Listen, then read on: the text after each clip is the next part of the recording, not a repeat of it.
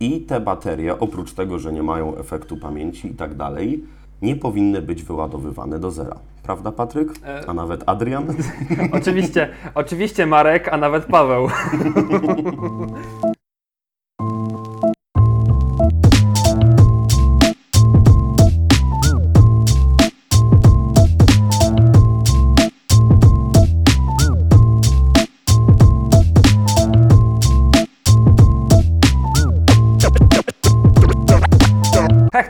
odcinek 12. Mówią do Państwa Adrian Patej oraz Paweł Pobudejski. W ostatnim odcinku cieszyliśmy się z Pawłem, że nasze smartfony mają wymienne baterie. Niestety takich baterii nie mają obecne splagowce oraz modele nawet ze średniej półki, co nakłada się na to, że obecnie, mimo tego, że smartfony są e, bardzo wydajne i mogą służyć przez dosyć długi czas, ogranicza je właśnie ogniwo.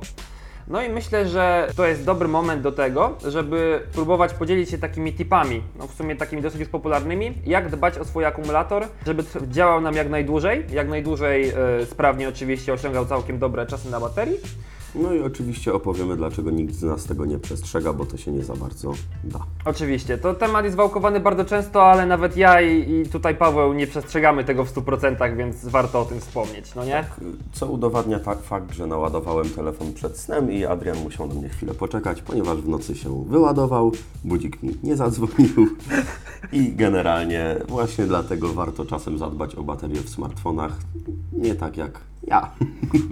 No to co, zaczynamy. Po pierwsze, to naj, i najważniejsze, baterii nie formatujemy, tylko jak już coś, to ją formujemy. E, proszę unikać tego pojęcia. I po drugie, baterii nie formujemy. Właśnie tak.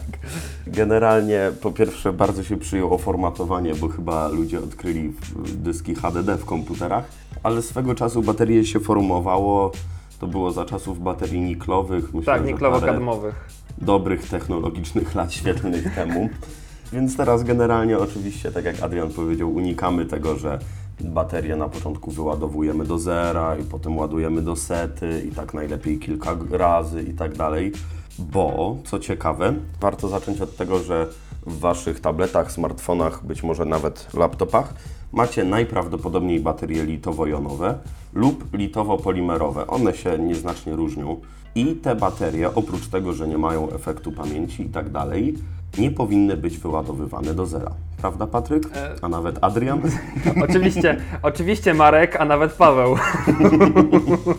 Ogółem, jeśli chodzi o budowę ogniwa litowo-jonowego, to jest ono oczywiście zbudowane z dodatniej i ujemnej elektrody. Tutaj one są zbudowane ze związków litu, ewentualnie tlenków jakichś metali, tudzież węgla, e, związków węgla albo samego grafitu.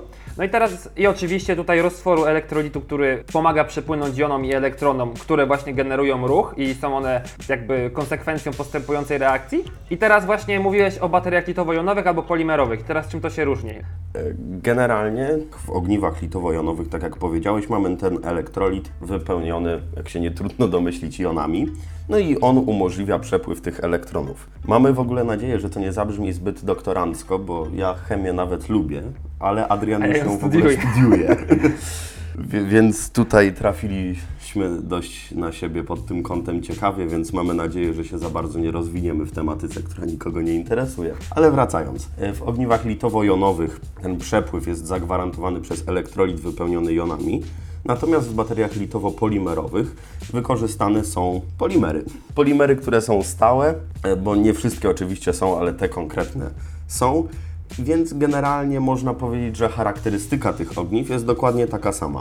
Różnica tylko jest taka, że baterie czy ogniwa litowo-polimerowe są droższe, gdzieś tam w wykonaniu, bo my jako konsumenci tego raczej nie odczuwamy i mówiąc w dużym uproszczeniu, mogą być gęstsze. To znaczy w danej jednostce objętości można zmieścić więcej energii. I przez to oczywiście bateria w tym samym rozmiarze jest cięższa, ale jednocześnie ma większą pojemność. No i właśnie dlatego w tych naszych malutkich smartfonach, no zależy dla kogo, niektórzy mówią, że to patelnie albo inne parapety, można zmieścić 3-3,5 tysiąca mAh. A w powerbankach jeszcze więcej. Tak, ja osobiście mam skromne 20 tysięcy w szufladzie, a to i tak nie jest największy model. Ale wystarczy, wys- 20 tysięcy to już jest naprawdę wystarczająco, żeby sobie parokrotnie podładować telefon. Tak, no chociaż modelem kieszonkowym bym tego niestety nie nazwał. Chłopie, ty możesz nawet zabić już, tak jak jakbyś tak. No No, waży tyle co cegłówka, chociaż jest trochę mniejsze. Ale wracając do samych mitów, żeby, żeby za bardzo nie przedłużać. Generalnie charakterystyka ogniwa litowo-jonowego, tudzież polimerowego, wygląda tak, że najlepiej jest je ładować mniej więcej, bo tu różne źródła różnie podają w zakresie 30-80%, czyli ogólnie tendencja jest taka, że nie można ich ani wyładować, ani naładować do pełna. W dużym uproszczeniu baterie ogniwa litowo-jonowe mają powiedzmy zmienne napięcie. To znaczy przy maksymalnym naładowaniu ta bateria ma napięcie na poziomie 4,2 V, jeżeli jest zdrowa i wraz z rozładowywaniem ono sobie troszeczkę maleje i tutaj też w zależności od producenta nie powinno to napięcie schodzić poniżej 2,3 czwarte albo 3,2 V. I generalnie całkiem prosty sposób, żeby sprawdzić, czy Wasza bateria jest bardzo zużyta, to sprawdzenie, jakie napięcie trzyma przy pełnym naładowaniu. Są w ogóle aplikacje, które to robią. I teraz Adrian, pytanie do Ciebie. Czy Ty masz zawsze baterię w zakresie 30-80%? Nie! Ja powiem Ci szczerze, że ja też rzadko. Ja zawsze ładuję do stówy. Ja też Ja lubię mieć zawsze. pełniutko. Ja lubię ten napis 100%. I często nawet przeładowuję. To znaczy podpinam telefon i odchodzę na więcej niż będzie on się ładował i to też jest na przykład niezdrowe. Niektórzy twierdzą, że wtedy w ogniwie coś zaczyna rdzewieć. Nie pasuje mi to, bo nie, ma, nie widzę tam żadnego żelaza. No średnio, no bardzo średnio. E, Ale to już takie chemiczne, czy to rdzewieje, czy robi co innego, to są już fakty trochę inne. Generalnie bateria zarówno przy naładowaniu pełnym, jak i zerowym, nazwijmy to, się psuje. Po prostu się psuje. Tak, po prostu reakcje, które wtedy zachodzą w pewnym momencie, jakby tak anoda i katoda trochę zużywa się, w sensie traci się jakby część tej struktury, która już nie może po prostu działać. Tak. E, I teraz moje pytanie brzmi: jaki sens jest ładować duże baterie, skoro jeżeli trzymamy je w zakresie 30-80%, to wykorzystujemy jakąś połowę jej mocy, prawda? E, I, I to jest chyba jedyny powód, dla którego na ogół lecę między setą a dwudziestką, jeżeli miałbym tak powiedzieć. Chociaż zdarza mi się zejść niżej coraz częściej i muszę przyznać, że o tyle robię dobrze, że często doładowuję baterię. Bo nie wiem jak ty, ale ja przed wyjściem zawsze się boję, że może się stać sytuacja niespodziewana i staram się mieć 100% na wypadek, gdyby coś się działo i tu odwołam się do anegdoty z Bytomiem z poprzedniego odcinka. E, Ja tak samo. E, Znaczy, u mnie to swoją drogą, że bateria mi już tak trzyma średnio 2 godziny, 2,5 godziny SOT, to już jest, wiesz, to już jest max, więc y, gdzie, gdziekolwiek nie wyjdę, staram się ją mieć podłączoną. Mam też powerbanka, zawsze zapominam wziąć kabla, żeby, żeby go podłączyć. No ale nie, jeśli chodzi o tego, to doładowuję. No i przede wszystkim też e, zawsze ładuję szybko. Nigdy nie wyłączałem na szybko ładowania, co też jest troszeczkę e, szkodliwe, no nie? Ja też. Ja w ogóle w G5 do dzisiaj, a mam ją od właściwie premiery w Polsce, nie znalazłem opcji wyłączenia e, szybkiego ładowania. Kupiłem sobie nawet ładowarkę. A gdzie ją kupiłem, to powiemy za chwilę, Aha.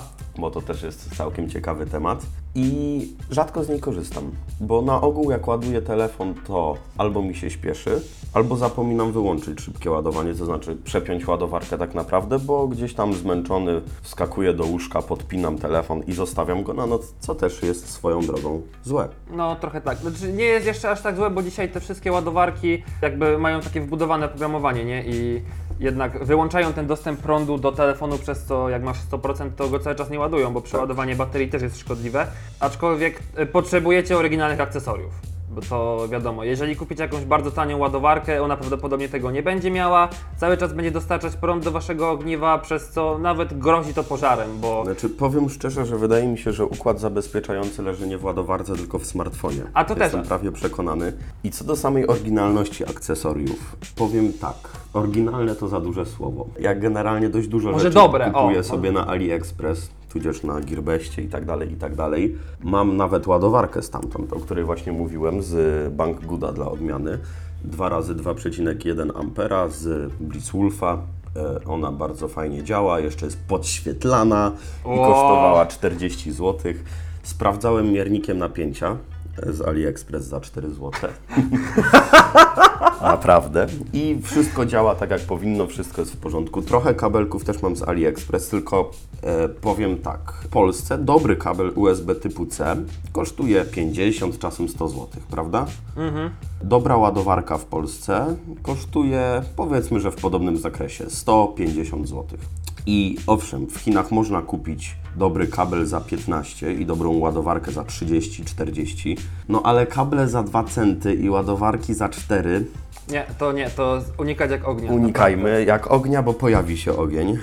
Tak, właśnie tak. Jeżeli, nie wiem jak, jak słuchacze, nie wiem jak ty, ja śledzę trochę grupek typu no, związanych z AliExpress i podobnymi stronami. Ja się średnio interesuję. Ja trochę tak i zdarzali się ludzie, którzy mówili, że gdzieś było jakieś przepięcie, budzą się, a tu smród idę z ładowarki. Cho- Chociaż i tak tyle z ładowarki, a nie ze smartfona, nie?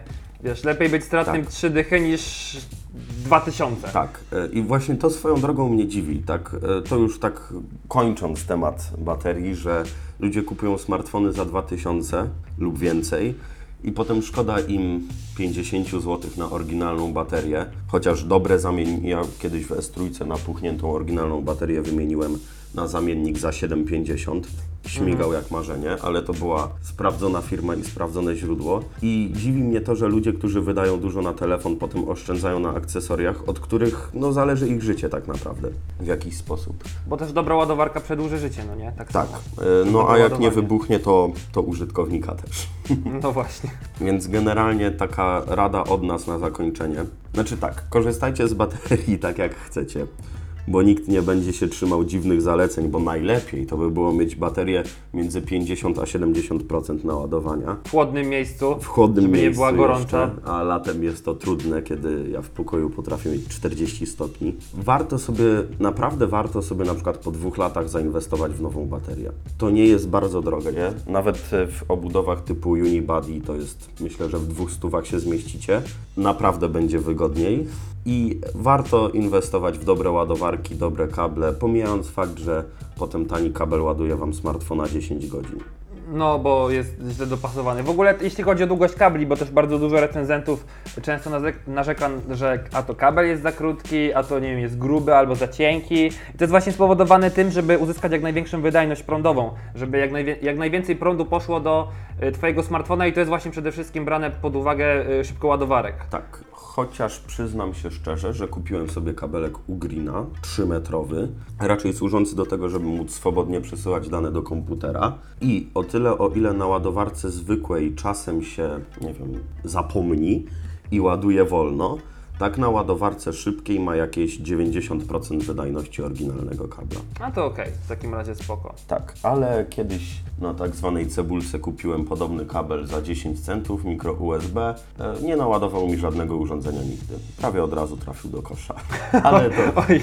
zaczynałem wtedy przygody z AliExpress i to były takie zakupy, żeby nie utopić pieniędzy, a zapoznać testy, się nie? z tym, jak to działa. Takie testowe.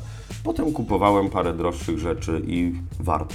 I swoją drogą, taką chciałbym tutaj anegdotę pocztową opowiedzieć. Oho, najlepiej. Bo rzeczy z AliExpress są przynoszone jako przesyłka nierejestrowana Poczty Polskiej. Kupiłem sobie ostatnio kilka rzeczy, z czego swoją drogą dwie to były kable z Ugrina u sprzedawcy, u którego już dwa kupowałem, bo jestem tutaj mie- mie- miejskim, jakby to powiedzieć, miejskim dystrybutorem przedmiotów z AliExpress i znajomi zwracają się do mnie o pomoc czasem. I łącznie z Chin nie przyszło mi jakieś pięć paczek. Poczta Polska powiedziała, że paczkę nierejestrowaną uznaje się za wręczoną w momencie włożenia do skrzynki. Nigdy nie trafiła u mnie do skrzynki. I zrzuciłbym winę na Chiny, gdyby nie to, że przesyłka z Polski, priorytetowa, ale nie polecona, również do mnie nie dotarła. E, Teraz czekam na kartę z pewnego banku. Została wysłana priorytetem niepoleconym. Jestem ciekawy, czy do mnie dotrze. A ile dni, ile? E, powiedzieli mi, że wysyłana jest w momencie zło- e, czterech dni roboczych od złożenia zamówienia do czterech Aha. dni roboczych e, i sama przesyłka priorytetowa paradoksalnie według Poczty Polskiej również ma 4 dni robocze, żeby dojść. Więc okej. paczka ma czas jeszcze mniej więcej do momentu, w którym słuchacie tego podcasta. jak, e, jak, e, jak go nagrywamy, to jeszcze, jeszcze ma chwilę zapasu, ale E, Chciałbym tak powiedzieć szczerze, że bardzo jestem zadowolony z paczkomatów. Jak zawsze.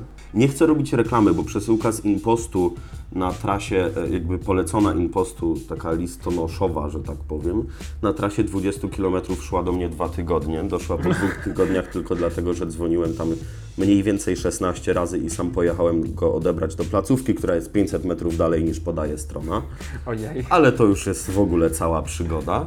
Natomiast e, kupiłem sobie pewną rzecz. Mogę nawet powiedzieć, że Chromecasta, bo może coś o nim opowiemy następnym razem. No, bo możesz te swoje spostrzeżenia dać. I od sklepu została odebrana wczoraj o godzinie 23.23 i pokonała 80 kilka kilometrów i dzisiaj o godzinie dokładnie 9.36 wylądowała w paczkomacie. Super. No, No, bez szybciutko. zarzutu. Naprawdę. Szybciutko. E, I powiem Wam szczerze, że nie lubię kurierów. No, ja też nie. Zawsze mam problem, żeby się z nimi spotkać. Jak chodziłem do szkoły, to naprawdę nie byłem w stanie być przed 13 w domu. Natomiast paczkomaty, wiem, że dużo ludzi miało problemy, ale z mojego doświadczenia do 24 godzin naprawdę paczki dochodzą. Ja z paczkomatów średnio korzystam. Z Poczty Polskiej e, zwykle wysyłam pr- priorytetowe paczki i dochodzą.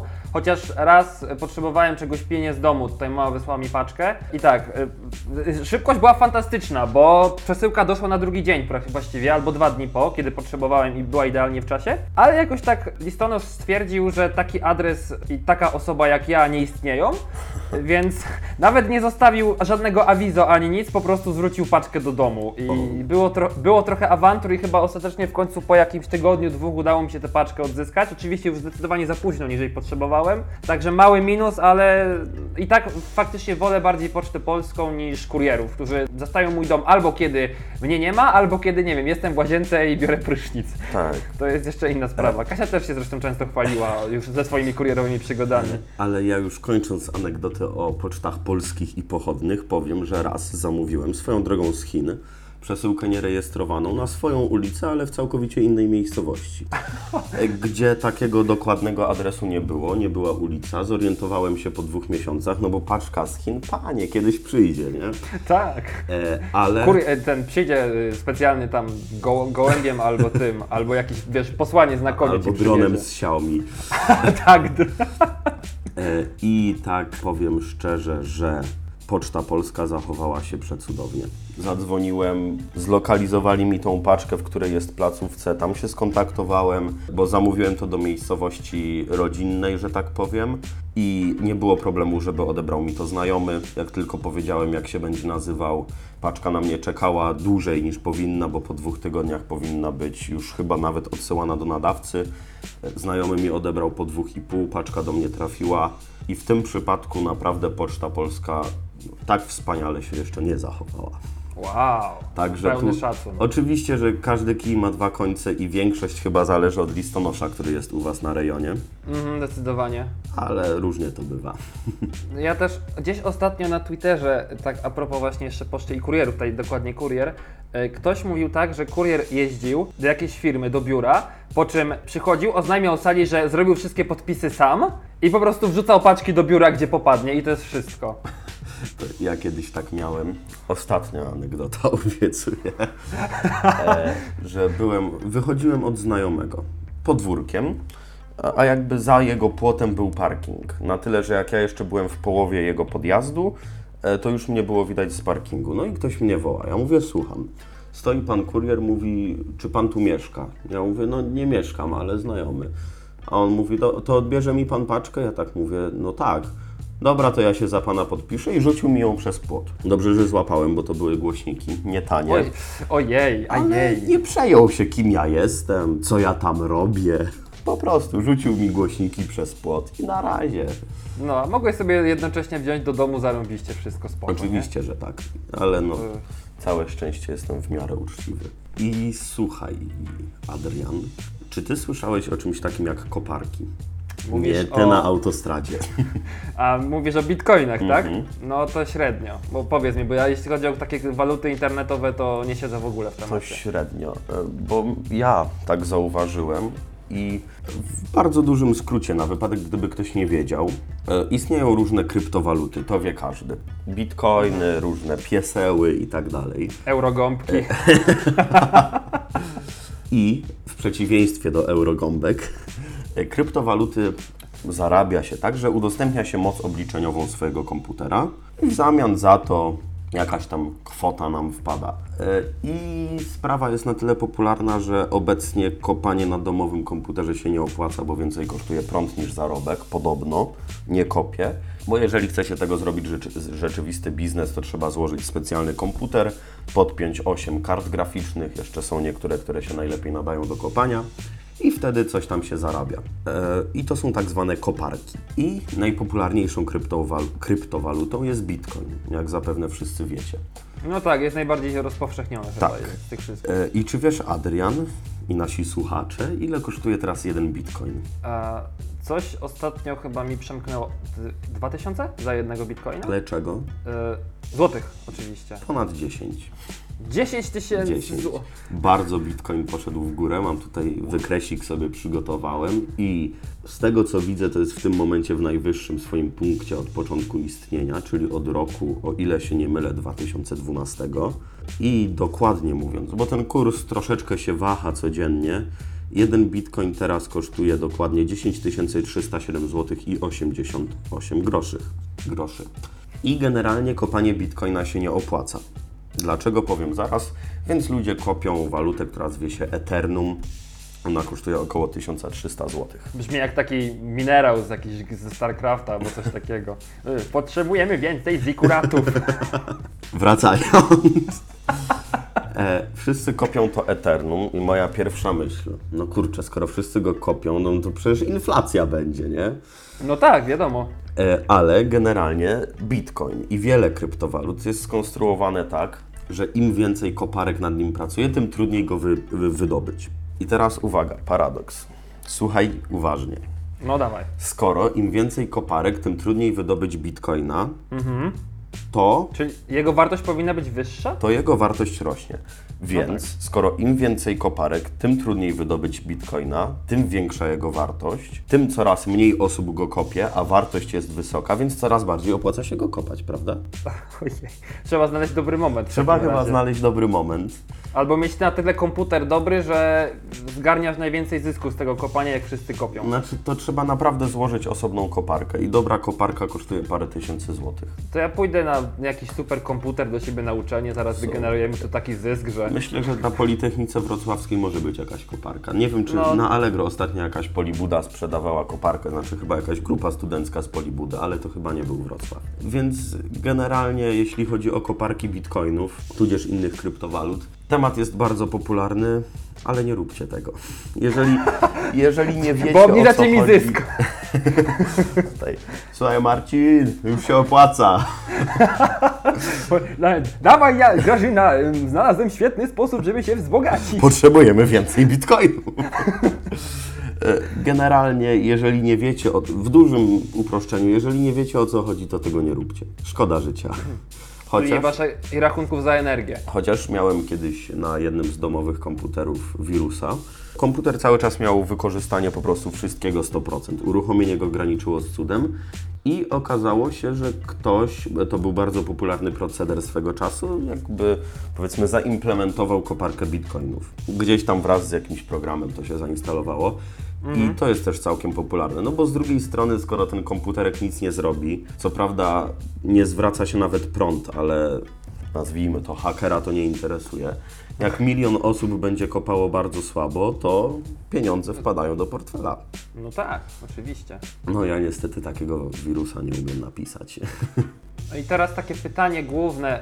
y, Po co w ogóle y, generować te bitcoiny, zamiast y, po prostu używać zwykłych pieniędzy? Jakie one mają tako, taka główna zaleta tego, tych bitcoinów? Czy Bo, bo te kryptowaluty teoretycznie chyba nazywa się takimi jakby walutą przyszłości, tak? Tak. I pytanie brzmi dlaczego? E, Znaczy tak, ogólnie pierwsza rzecz to wiele twórców kryptowalut, bo ich jest wiele, my to bardzo upraszczamy mówiąc o bitcoinie, e, stosuje taką zasadę, że wprowadza stałą liczbę kryptowaluty. Na przykład w przypadku bitcoina, żeby zapobiec inflacji, o której troszeczkę wcześniej gdybałem, ustawione jest sztywne ograniczenie. mamy 21 milionów sztuk, które wywiera presję deflacyjną, jakby ktoś chciał tu wiedzieć na dodatek. G- I generalnie chodzi o to, e, że kopanie tych kryptowalut to jest jak kopanie złota. Czyli twój komputer weryfikuje jakieś e, obliczenia, przeprowadza je i w zamian za to masz szansę, że coś otrzymasz. Dlatego mówimy, że to jest kopanie, bo to coś jak ze złotem. Albo trafisz, albo nie trafisz. No ale generalnie wiadomo, że statystycznie przy udostępnieniu danej mocy przez daną, dany okres czasu ileś zarabiasz. I właśnie tutaj mogę przeczytać, bo otworzyłem sobie Wikipedię, żeby, żeby dokładne dane podać, że liczba tych bitmonet stworzona w jakiejś danej partii nigdy nie jest większa niż 12,5 bitcoina. I na dodatek to, co mówiłem, że im więcej osób kopie, tym mniej się opłaca, że nagrody są zaprogramowane na zmniejszanie się w czasie aż do zera. Po prostu, tak jak mówiłem, nie zaistnieje więcej niż 21 milionów bitcoinów. I dlaczego one są takie bezpieczne? No po pierwsze, nie da się ich ukraść tak, że leżą w skarpecie pod dywanem, prawda? Pierwsza rzecz Bitcoinowa lokata. bitcoinowa lokata. E, Druga rzecz jest taka, że każdy jakby posiadacz bitcoinów ma je przypisane do pewnego zahaszowanego portfela. Portfel wirtualny. Zapomnisz hasła, tracisz bitcoiny. O, I w ogóle, co ciekawe, zablokujesz 300 bitcoinów, to oznacza, że to 300 bitcoinów nigdy na rynek nie wróci oj, to jeszcze prawda? gorzej. Bo one Ojej. są twoje, a liczba jest stała. Więc jest to waluta przyszłości, bo jest zabezpieczona, prawda? Jest taka, no jest o tyle bezpieczna, że kartę kredytową może ci ktoś ukraść, wyrwać, jakieś przedłużenia sygnału. Tutaj, jeżeli mamy ten swój specjalny, nazwijmy to kod dostępu, nikt oprócz nas tych pieniędzy, do tych pieniędzy nie dotrze. I w gruncie rzeczy o tyle jest jeszcze to jednostka taka przyszłościowa, że tak jak mówiłem, prawdopodobnie nie będzie tu inflacji sensu stricto. Oczywiście, że tak jak mówiłem, jest tu ten problem, że przecież skoro wszyscy kopią Eternum, to no, nie inflacja jako tako, ale to jeden Eternum zacznie być mniej warty, więc wtedy najlepiej sobie te pieniążki zachować. Za 5 lat wszyscy przestaną go kopać i wtedy prawdopodobnie ta wartość wzrośnie. No, tutaj, tak jak mówię, mam wykres i Bitcoin na początku kosztował bardzo mało, a teraz kosztuje ponad 10 tysięcy złotych. Więc kiedy ten e, Bitcoin był mało popularny, mało osób go kopało, więc łatwiej było go zdobyć i ten ktoś sobie zachował 5 Bitcoinów w portfelu, to teraz jeżeli postanowi je wypłacić, to ma jakieś 51, 52 prawie tysiące złotych. Fajne to jest, ale trzeba trochę, troszeczkę wiedzieć, co się robi, żeby to miało ręce i nogi. No na pewno to jest zrobione tak, żeby się prosty człowiek nie wzbogacił od razu, nie? Tak, że przyjdzie sobie, a na 2-3 dni już ma 10 tysięcy. No na pewno nie. Co raczej nie chodzi o prostotę człowieka, tylko o, o moc obliczeniową. Je, jeżeli ktoś ma dostęp do jakiegoś superkomputera, to jeden poradnik w internecie i w parę dni go sobie zwróci. No tak, to byłoby, to byłoby super w sumie. Zakładam farmę. A powiedz mi, jak jest, y, nie wiem czy wiesz, może jeśli chodzi o płatność, typu, w sensie, bo mówisz tak, Bitcoin realna, war, Bitcoin realna wartość, czyli jak chcesz coś kupić, to można to już kupować za Bitcoiny, czy to jest coś w stylu, że właśnie wymieniasz sobie na kasę i za tą kasę, kasę W dopiero wielu możesz coś miejscach kupić? można kupować e, w bitcoinach, już coraz więcej. Pytanie brzmi, jaka jest y, w sensie cena, nie? No bo jak chcę sobie zapłacić za kajzerkę w Bitcoinie, to nie mogę chyba zapłacić jednym Bitcoinem, który tam kosztuje 10 tysięcy E, Nie, złotych. on jest podzielony na e, każdego bitcoina można podzielić na 100 milionów jednostek zwanych satoshi. Czyli w gruncie rzeczy dałoby się zapłacić jakąś, za jakąś kajzerkę, Ewentualnie tira kajzerek. ewentualnie tira kajzerek. Można już w niektórych miejscach płacić w bitcoinach i nie mam tu na myśli tylko forach do zamawiania kokainy na torze. E, Wiem, że niektórzy twórcy internetowi wprowadzili możliwość dotacji w bitcoinach. O, a to ciekawe. E, No, generalnie są miejsca w internecie, w których tym bitcoinem można zapłacić, no ale w żabce jeszcze tego nie akceptują. Dzień dobry, kartą czy bitcoinem?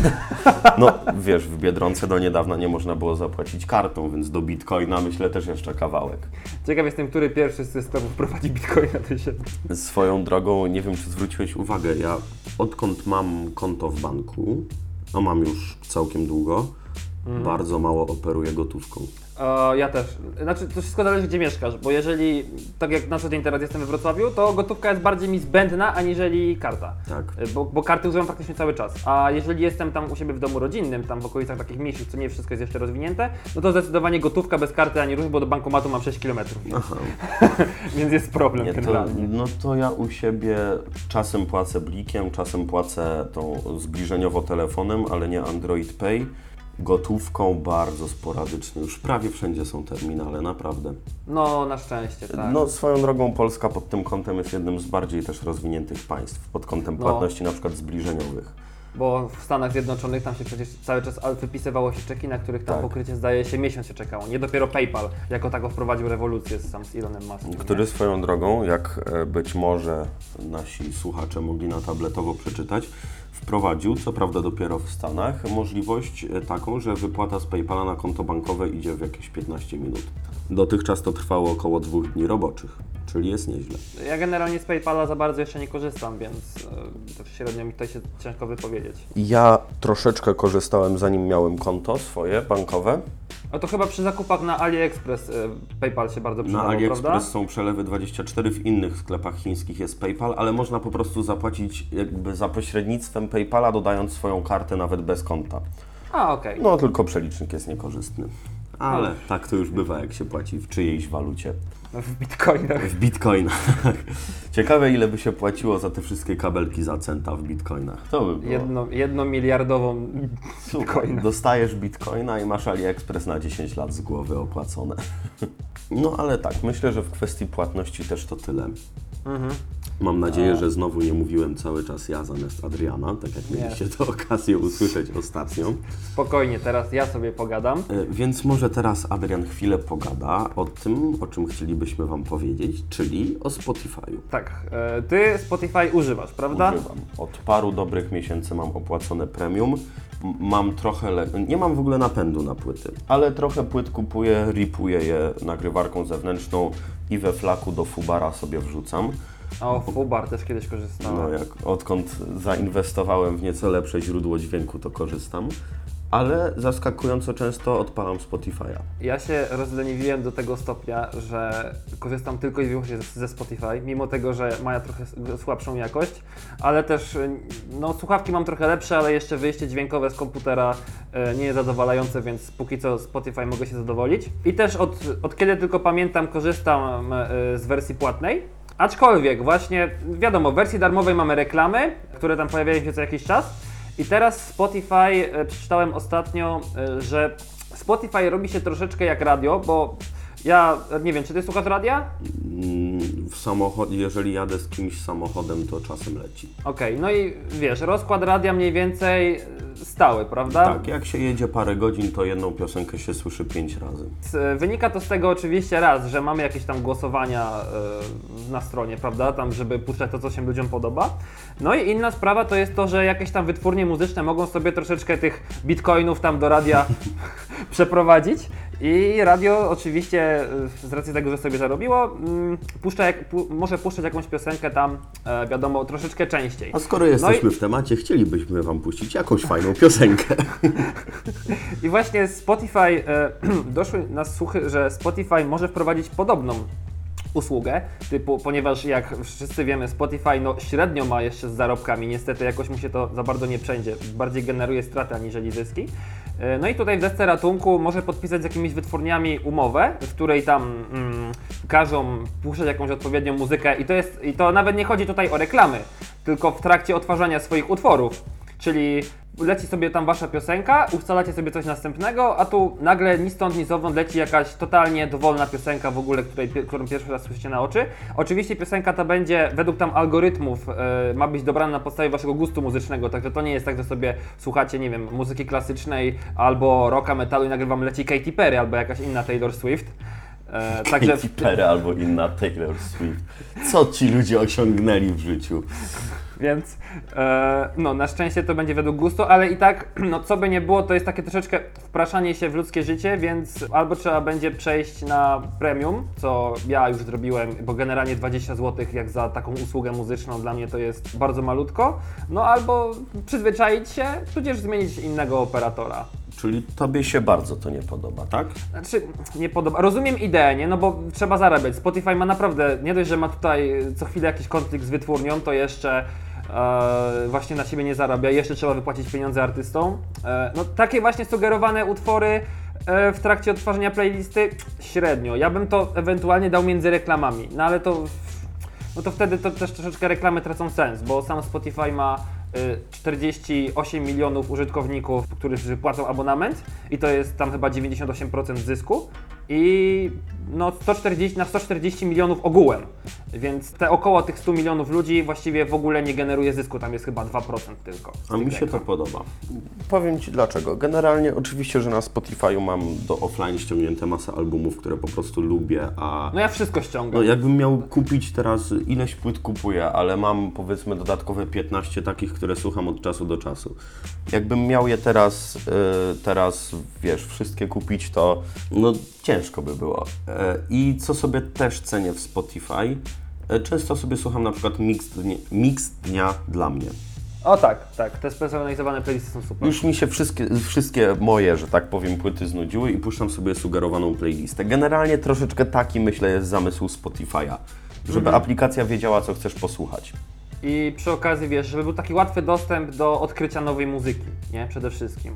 Tak. Bo tak to zamiast, nie wiem, miałbyś kupować nową płytę i ją próbować, czy ci się spodoba, czy nie. Poza tym ja też tak mam, że e, jak so, na przykład z jednego albumu podobają mi się dwie albo trzy piosenki, no to też trochę słabo kupować całą płytę i wydawać kasę, a żeby posłuchać tylko dwa utwory, które i tak, wiesz, tam trzeba, no. E, I ogólnie, skoro zamysłem jest ten miks dnia, to po prostu, jeżeli Spotify puści Ci sponsorowaną piosenkę, która trafia w Twój gust, nie mam nic przeciwko. No bo No tak, I, I tak tych piosenek nie znam, to tak przelotnie, gdzieś tam mi poleci, jak koszę trawę, to sobie puszczam nieznane piosenki, żeby coś poznać. To to, czy tą, za tą piosenkę ktoś im zapłaci, czy nie, no nie wiem, ja generalnie wychodzę z założenia, że jeżeli ktoś mi coś udostępnia za darmo, to nie mam nic przeciwko reklamom, pod warunkiem, że nie są chamskie. No tak, znaczy nie, ogółem jeśli chodzi o taką politykę reklam w Spotify, to jest ok. Tam aplikacja mobilna, przynajmniej swego czasu jak ja korzystałem jeszcze z niepłatnej wersji, to była masakra. Wybieranie piosenek, no średnio, Tak. wiesz, nie można, tylko sześć przewinięć i następny, już potem nie mogłeś A sobie to przesuwać kiedyś utworu, nawet jak sześciu przewinięć nie było. No, nie ja wiem jak jestem jest teraz. takim oldschoolowcem. No, nie wiem ja jak też teraz, nie wiem, bo od paru dobrych miesięcy opłacam sobie premium. Ja mam tak samo, dlatego I- też nie mogę się wypowiedzieć. A nie będę specjalnie nie korzystał, żeby mnie szlag jasny trafił, bo Tak. E, Ja nawet myślałem, jako że mam, no mam dobre źródło w miarę, na tyle, że warto czasem sobie puścić jakiegoś flaka. Teraz dyskusje, czy to słychać, czy nie słychać. No, A, już pomijmy. generalnie fajnie jest czasem sobie coś puścić w lepszej jakości. I okej, jest Tidal, no jest hi-fi, tylko że on jest drogi dosyć, ale... znaczy przynajmniej dla mnie. No właśnie, no niestety póki co, 40 oby póki złotych. co, trochę to przerasta moje możliwości wyłożenia kasy na muzykę. E, No nie jestem też, bo wiemy wszyscy, że Play dołączał e, tego Tidala do swoich, Tak. e, dla swoich abonamentowców. No tylko jeszcze sprawa jest taka, że krążą plotki, zobaczymy czy to prawda, że w związku z roamingiem, tym o którym rozmawialiśmy ostatnio, i, opera- i tym, że operatorzy muszą trochę ceny, jakby muszą tracić na rozmowach wykonanych w roamingu, no krążą ploty, że operatorzy będą rezygnować z takich rozwiązań jak gratisy, że tak powiem, do abonamentu, tak jak był Showmax jeszcze ostatnio wprowadzony, bo no na czymś muszą sobie odbić, prawda? E, No i swoją drogą je, jedna rzecz, którą bym zmienił w Spotify'u. Bo tu jest jakiś import piosenek, prawda? Że mogę sobie stworzyć playlistę z piosenek lokalnych. Tylko błagam, niech on zacznie obsługiwać bezstratne formaty. Żebym ja mógł sobie złożyć wewnątrz aplikacji lokalnie własną playlistę w jakości bezstratnej. Jedyna rzecz, o którą proszę. Pomijam fakt, że w Google Play Music e, podobno, nie, nie testowałem porządnie, jest tak, że pewną bazę piosenek możesz sobie po prostu zaimportować. Czyli mogę sobie wrzucić na przykład swoje trzy ulubione albumy w jakości bezstratnej i na każdym swoim urządzeniu w tej jakości mogę to puszczać. O, a to super w takim razie. Ale Google Play Music nie trafia do mnie. No, ja też jakoś. Za bardzo jestem przyzwyczajony do Spotify, mam tu swoją bazę piosenek, nie chcę mi się przechodzić na inny ten. Też, Jakby ktoś. e, Jakby chociaż ktoś jest, nie wiem czy wiesz, aplikacja, tudzież strona, usługa Soundease się nazywa, która importuje wszystko? Tak.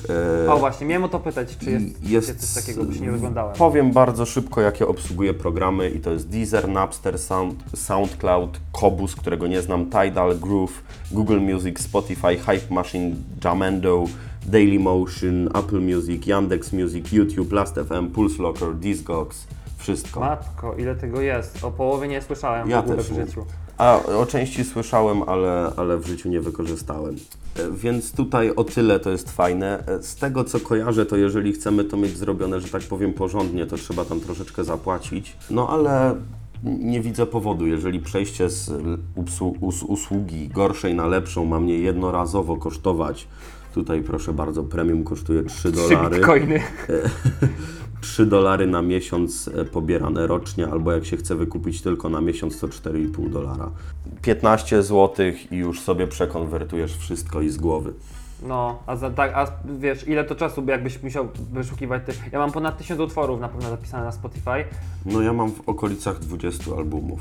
i o- ostatnio już mi moja 32-gigowa karta pamięci zaczyna od tych utworów wszystkich ściąganych yy, powoli padać i muszę wymienić jakąś lepszą, bo, bo całą, całą pamięć po prostu zapełniłem już praktycznie I, i jak włączam Spotify, to mi się piosenki cały czas na nowo ściągają i się Tak. nadpisują. To ja tak nie mam. Ja nawet nie mam karty pamięci.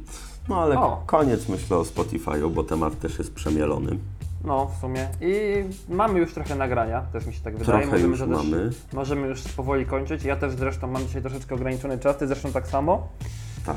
E, Bo więc... swoją drogą bateria w telefonie zawaliła, trochę zaspałem i wszystko jest I cały dzień ułożony harmonogram poszedł właśnie wsiu w rozsypkę. mniej więcej. Dziękujemy za słuchanie. To był 12 odcinek Hechtechu. E, Z tej strony mówił Adrian Patej oraz Paweł Pobudejski. trzymajcie się. Na razie. Na razie. Thank you.